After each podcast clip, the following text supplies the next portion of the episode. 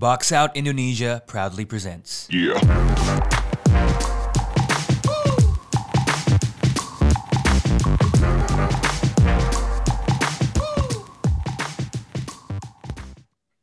Oke, tadi kita dari Denver Nuggets. Sekarang kita bergeser ke tim Northwest yang hanya di North, tidak di West. Kita ke Minnesota Timberwolves yang kebetulan baru dibeli oleh Alex Rodriguez dan gue lupa sama siapa. Jadi basically new owner, new start, new era, bla bla bla bla bla. Tapi seperti yang kita tahu timnya seperti apa gitu. Nah, gue mau ke Abi dulu nih sekarang. gue gue gue akan sangat spesifik ya. Dengan adanya Patrick Beverly, apa yang perubahan yang bisa dia bawa ke Minnesota? In the next five years gonna be theirs. Aja. Enggak lah. Um, I think defensive intensity sih yang menurutku bisa at least berubah lah. Dan yang kayak um, ini ya, yang mungkin bisa berubah adalah that locker room stability. Yang tapi menurut gue ini bisa jadi pedang bermata dua juga karena seperti kita tahu terakhir Anthony Towns ketemu karakter yang kuat di locker room, kita tahu apa yang Oh. terjadi kan. Kita tahu apa yang terjadi kan dengan Jimmy Butler. So Iya, iya, basically, yeah, I, I don't I don't know, I don't know. I think Nah, Patrick Beverly might be excited gitu. Tapi yang gue jadi pertanyaan gue adalah, are the other guys excited about him being there gitu? Bisa jadi dia asik, sosok asik sendiri at the first day of training camp, kayak I'm I'm the veteran dan kawan-kawan, tapi yang lain yang liatnya kayak gitu. And that's gonna be Yeah. something to look out for kalau menurut gue ya. Eh, tapi gue ini ya, gue sebelum geser ke Faiz, gue karena sambil ngeliat apa namanya, ngelihat rosternya, ya, gue berharap gitu. Kita tahu Anthony Edwards itu uh, a joy to watch of the court ya. Mhm. Gue berharap ada some kind of relationship antara Pat Bev dan uh, Ant-Man gitu kan, karena pasti pasti unik dan aneh gak sih? Maksudnya Ant-Man kan yang lempeng-lempeng jawabannya apa jawabannya nyeleneh ya. Santai Minimal banget. kita tahu. deh. Pat Bev itu kan kayak wuh wuh wuh yang heboh banget gitu loh. Jadi kayak gue sedikit pengen lihat itu dan kalau misalkan nyambung eh, ke bahasannya sedikit lebih serius ya at least ngebawa locker room-nya lebih lebih apa ya? Lebih tim lah gitu kan. Nah, cuman Is lo ngeliatnya mungkin selain dari Pat Bev kali ya atau kalau misalkan lo mau nambahin soal Pat Bev juga boleh gitu kan. Lo ngeliatnya eh, pergerakan off season-nya Wolves gimana, Is? Hmm, nggak spesial sih menurut gua dan sebenarnya kan mereka itu butuh uh, wing yang punya size kan, wing yang big gitu, yang 68, 69 karena dia butuh di posisi itu. Tapi gua ngelihat uh, nggak kayak Torian Prince bukan bukan orang untuk di situ gitu. Maksudnya ya mungkin dia bisa cuma nggak nggak bisa sampai elevate timnya gitu. Jadi sebenarnya agak disayangkan si off season ini buat Timberwolves karena menurut gua nih apa ya harusnya mereka melakukan sesuatu tapi ya dilewatin gitu aja gitu gue ngeliatnya. Ya kalau lu pikir-pikir bener sih, Tar. Gue mau reiterate poinnya Faiz karena gini, our off season apa ya task buat mereka kayak saat yang kita rekomendasikan adalah lu ngeluarin kontraknya Rubio kan. Tapi lu mendatangkan point guard tua yang punya limitations to their game juga. Jadi kayak sama aja bohong gak sih?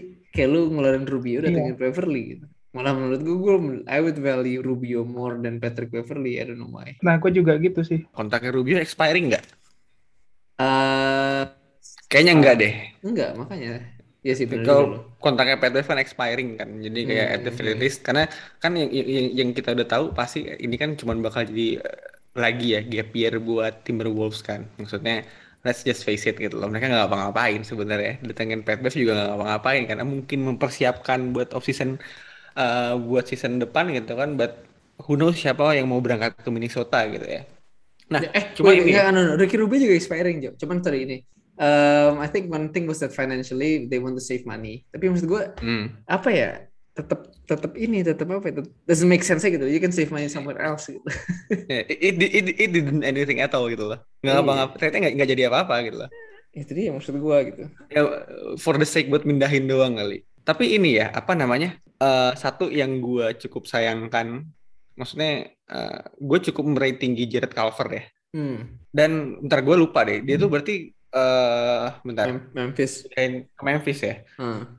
Wait, wait, berarti on that Pat, eh, Pat Bev trade? Iya. Aduh, itu Iya. itu sangat disayangkan. Di Maksudnya, ya. Culver and Juancho buat Beverly. maksudnya adalah gitu loh, kayak eh, Culver tuh masih berarti season entering season ketiga kan berarti kan. Hmm. Maksudnya su- eh, yang pertama dia tidak dikasih kesempatan sebanyak itu, ya kan? Terus yang kedua adalah basically eh, Timberwolves pun tim muda ya. dengan roster yang mereka punya gitu kan. Dan gue masih bisa melihat yang namanya Eh, uh, Culver being serviceable ya gitu kan. Being that fourth guy on the first team atau bahkan jadi sixth man gitu kan. Karena dengan skill set yang dia punya ya apalagi considering gitu kan dia dipaketin sama Huancho cuman buat datengin pet Bev gitu. Loh. kayak eh, itu di gue masih agak susah mencernanya gitu loh. Karena again eh, uh, Culver sendiri menurut gue masih uh, potensial gitu kan. Jadi kayak itu sangat disayangkan gitu karena cuman mungkin kita sambil bergeser ya. Ini gue mau ke Abi dulu gitu. Kita udah uh, we've seen glimpse of uh, Dilo, Cat sama Edwards main bareng gitu kan di season hmm. kemarin gitu lah, hmm. yang di mana basically they they they pull off gitu kan di eh, pull off sih gitu kan ya meloncat lah intinya gitu pardon my language ya gitu kan cuma intinya adalah kita udah ngeliat bagaimana mereka bisa uh, dari basically tim paling jelek di liga gitu ya di NBA gitu kan mm-hmm. uh, dan akhirnya setelah uh, tiga orang ini sehat dan main bareng mereka bisa untuk uh, beradu dengan tim-tim yang lain gitu kan. Nah, uh, apakah lo bisa melihat ini berlanjut di season ini, Bi? Ini yang selalu menjadi masalahnya dari Minnesota Timberwolves kan. Lu di PHP-in dia akan musim dengan permainan yang bagus, with Cat balling out, D'Angelo Russell showing up. Terus nanti di awal musim ada aja pasti. Gue gak ngerti sih, mungkin karena itu dulu uh, ininya kali ya, uh, balanya Glenn Taylor tapi dengan maybe dengan the ownership Erod bawa vibes vibes bagus that New York Yankees vibe ke tim Minnesota Timberwolves ya mungkin siapa tahu kita bisa melihat bahwa the Timberwolves playing in a much better um, level di mulai di di awal-awal tahun depan itu. Dan I can, I can kalau misalnya potensi sih ada akan selalu ada gitu. But I would I would try to see what Rubio, eh what Rubio, what um, D'Angelo Russell is actually bring to the table sih. Karena gue nggak mau Cat itu apa ya Cat itu super super bagus ya even though he's defensively still have lots of improvement points. Tapi yang gue sayangkan adalah kalau dia harus menghabiskan masa primanya dengan D'Angelo Russell hanya karena mereka temenan. I mean they're gonna play good offensively tapi defensively those two are yeah ya, kita bisa lihat yeah. sendiri lah dari ini ya kan Faiz aja dia begitu gitu dia langsung ketawa gitu dengan kayak dia Russell memiliki salah satu defensive matrix terburuk di NBA dan I think ya sayang aja gitu ngerti gak sih lo kayak is lu punya cat di yeah. fantasy team lu tahun lalu kan lu ngerti betapa iya. sayangnya yeah. that, that talent gitu loh kalau nonton tiap tiap tiap pagi gitu yeah. ya fantasy team lu sayang banget kan itu yang gue yeah. yang gue takutin one of my biggest fears adalah itu kita kehilangan generational big man talent hanya karena dia harus stuck bermain dengan teman baiknya. Hmm. Tapi ini ya apa namanya maksudnya kudos, uh, eh, gue akan bilang kudos ya maksudnya uh, Gerson Rosas went to the extent sampai buat datangin Dilo kan, maksudnya karena kita tahu sempat uh, apa namanya Cat diisukan tidak nyaman ya, akhirnya tidak nyaman di sana setelah beberapa tahun gitu kan, maksudnya kayak kayak ya mungkin ini final straw juga kali nggak sih gitu kan, maksudnya kalau gue gitu ya, if this cat and Dilo eksperimen uh, went south gitu ya. Kalau gue jadi cat udah harga mati. Gersan gue mau cabut. Titik udah gitu kan. I've had enough gitu. Maksudnya jadi cat bentar cat tuh berarti dari tahun 2015 kan gitu kan. Dia yeah, udah sang, udah udah la, udah lama di sana gitu loh. Dan tadi gitu loh dengan dengan uh, apa namanya? talent dia yang menurut gue as a big man itu generational talent ya. Maksudnya he he can do it all offensively gitu kan. Dan kalau misalkan kita bawa sedikit aspek fantasi basically cat itu di, di apa at least di Cats ya. Gue kalau misalkan di points kurang tahu karena nggak ngeliat Cat kemarin semusim full. Basically dia top 10 player man. Of course man.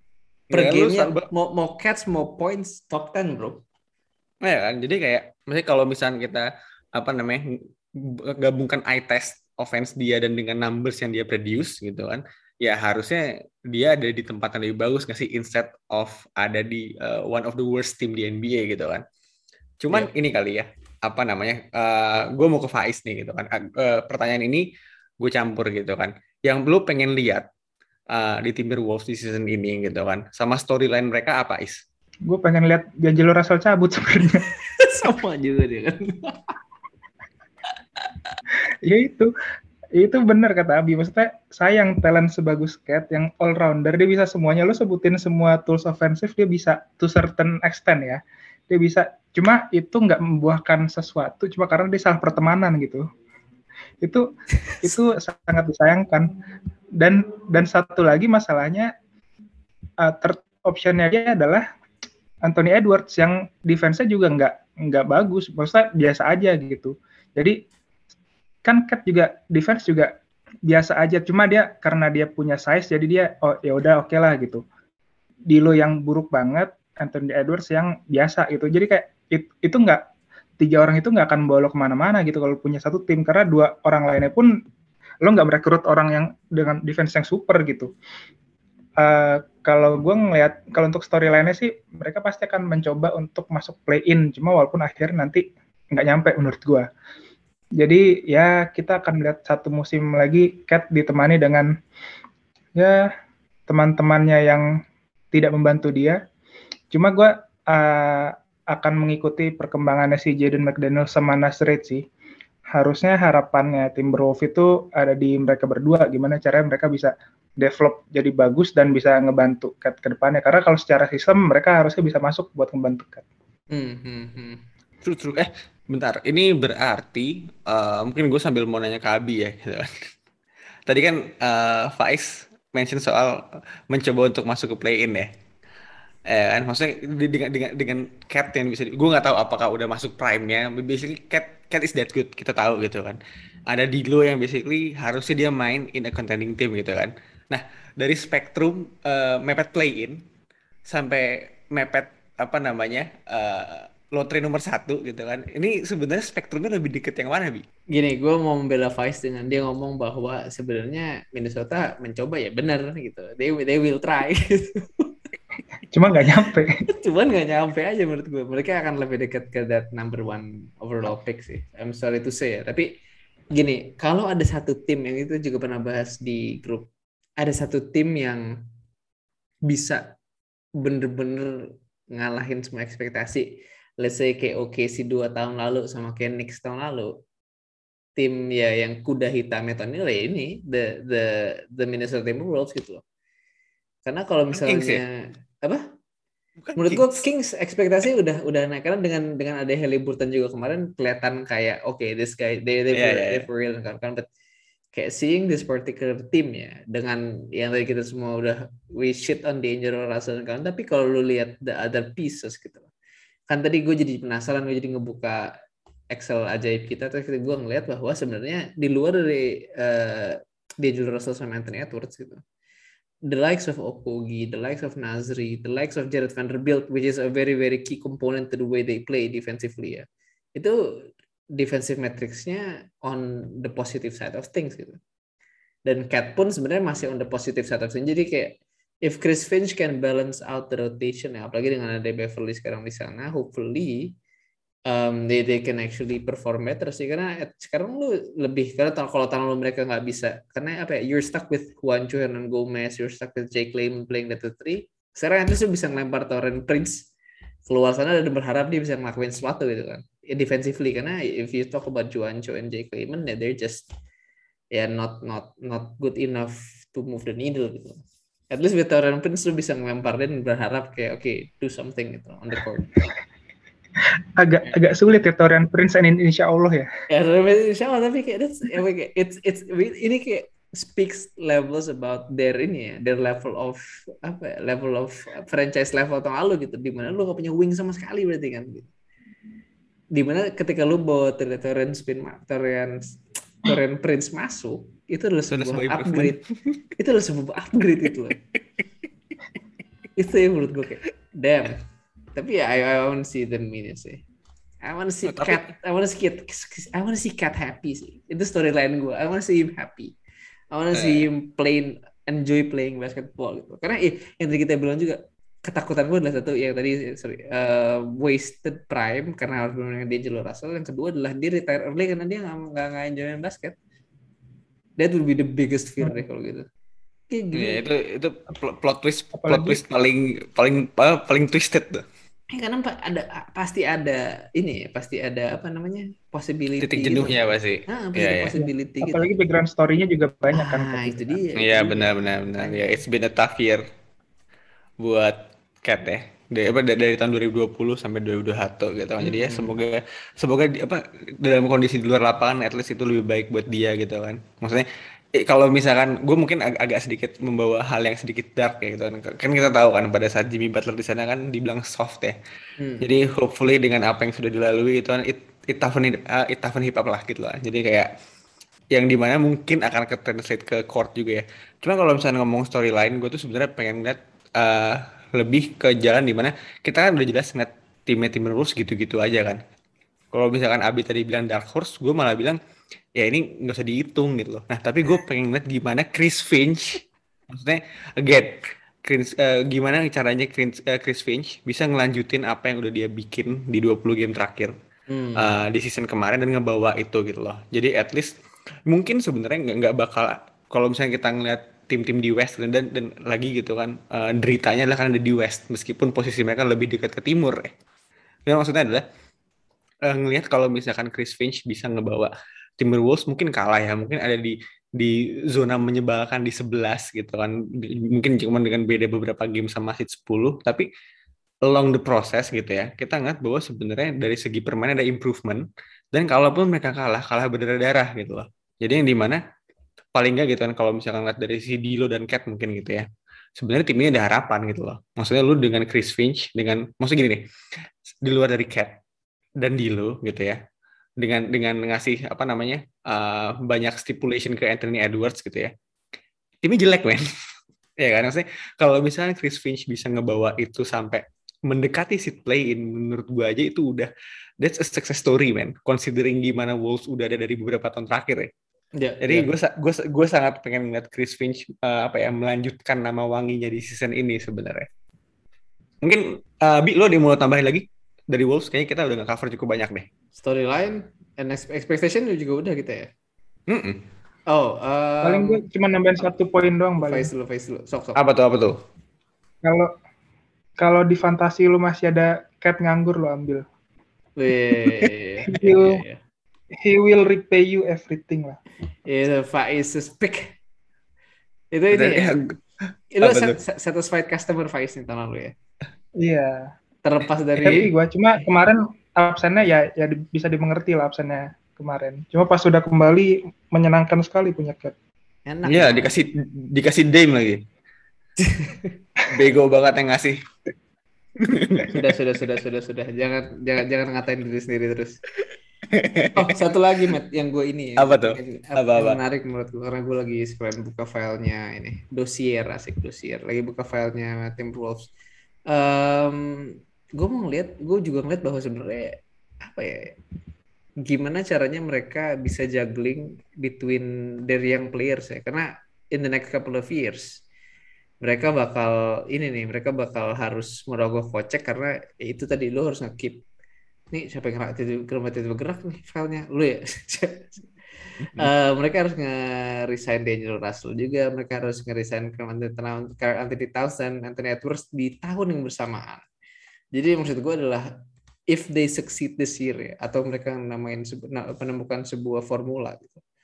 Yang paling bahaya adalah yang tadi gue bilang lo menemukan formula tapi lo kira ini adalah formula untuk jangka panjang padahal it was just a great year for the guys gitu. Di mana lo sebenarnya harus bisa menambahkan beberapa piece lagi to make this a playoff team tapi lo bisa jadi stuck on the treadmill tapi treadmill ada di posisi 11 12 13 kayak Kings beberapa tahun lalu. Itu menurut gue yang paling menarik dari ini sih implikasi ke tahun ke depan Iya, iya, iya. Berarti ini kita harus sudah mengcover semua ya. Cuman gue punya satu pertanyaan terakhir untuk Faiz gitu kan. Gue akan bermain eh, memerankan Devil's Advocate. Siapa yang akan keluar duluan dari Minnesota? D'Angelo Russell atau Carl Anthony Towns? D'Angelo Russell. Safe pick ya. D'Angelo On that note, on that note gue nggak gue apa namanya? Let's just leave it at there gitu ya. Jadi kalau kata Faiz yang akan meninggalkan uh, Timberwolves duluan adalah uh, D'Angelo Russell instead of Cat ya. Kita sudahin dulu. Basically kita habis digeser ke everybody's favorite team, OKC Thunder.